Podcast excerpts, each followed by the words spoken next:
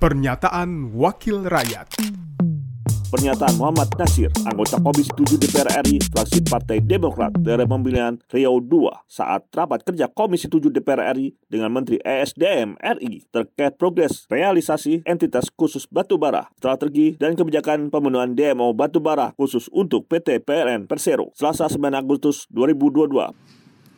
Saya minta juga Dirjen Pak, kita putuskan hari ini. Kita keputusan DPR, keputusan undang-undang, memutuskan Dirjen yang sekarang siapa yang kita suruh kerja Pak?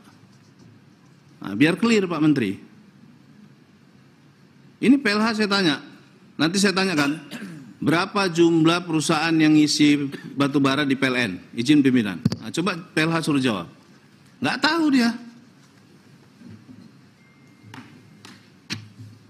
Nah itu Pak Menteri, kondisinya kayak gitu. Itu aja kita tanya dia nggak tahu gitu loh. Dia harus nanya lagi ke dirut, nah gitu. Nah, dia nanya lagi ke direktur. Nah itu maksud saya gitu Pak, biar biar Pak Menteri itu dilaporin nyaman juga sebagai ke, mengambil kebijakan kan. Nah, jangan bolanya jatuhnya di Pak Menteri, padahal di bawahnya yang masalah gitu. Saya minta pimpinan, kita putuskan dulu masalah dirjen ini. Nah dirjen ini kita minta berapa lama Pak Menteri ganti dirjen ini? Biar clear. Hebat betul itu orang. Saya nggak ngerti juga bisa dua jabatan. Macam mana dia gitu? Jadi saya minta kita putuskan hari ini siapa yang akan menjadi dirjen. Silakan diusulkan kepada Presiden Pak Menteri.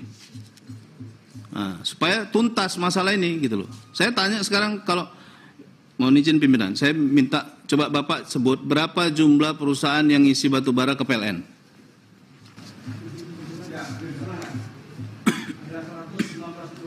Kau dapat WA dari mana? Ada WA yang masuk? Hah? Nah, berapa perusahaan besar yang ada di, di, di tempat kita yang memiliki izin? Hah? Nah, berarti kan nggak paham Pak Menteri. Itulah, inilah PLH. Kan kacau. Semana ente jadi PLH? Sementara permasalahan serumit ini gitu loh. Jadi saya minta Pak Menteri, izin pimpinan, kita putuskan dulu masalah yang mengatur regulasi ini yang bertanggung jawab dirjen. Dirjennya harus clear dulu. Jadi Pak Menteri nggak jadi Pak Menteri yang pusing jawab ini gitu, karena bahannya nggak clear gitu loh. Nah. Jangan seperti seperti direkturnya yang lama ngasih bahan salah-salah kan, itu jadi masalah Pak Menteri. Mungkin itu pimpinan. Jadi kita kita poin tanya aja sekarang, kenapa batu bara ini langka? Apa masalahnya?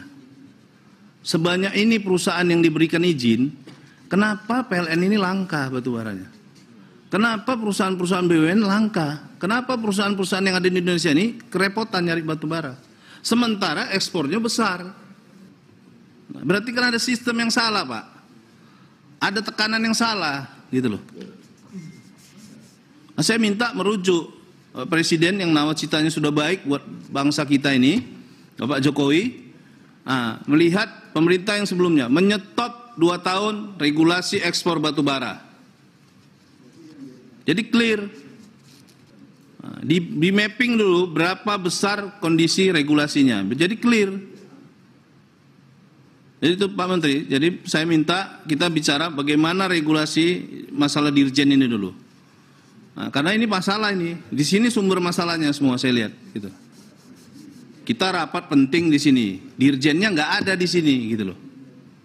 Nah, kan repot gitu loh. Pernyataan Muhammad Nasir, anggota Komisi 7 DPR RI, fraksi Partai Demokrat, daerah pemilihan Riau II, produksi TV dan radio parlemen, Biro Pemerintahan Parlemen, Sekjen DPR RI. Pernyataan Wakil Rakyat.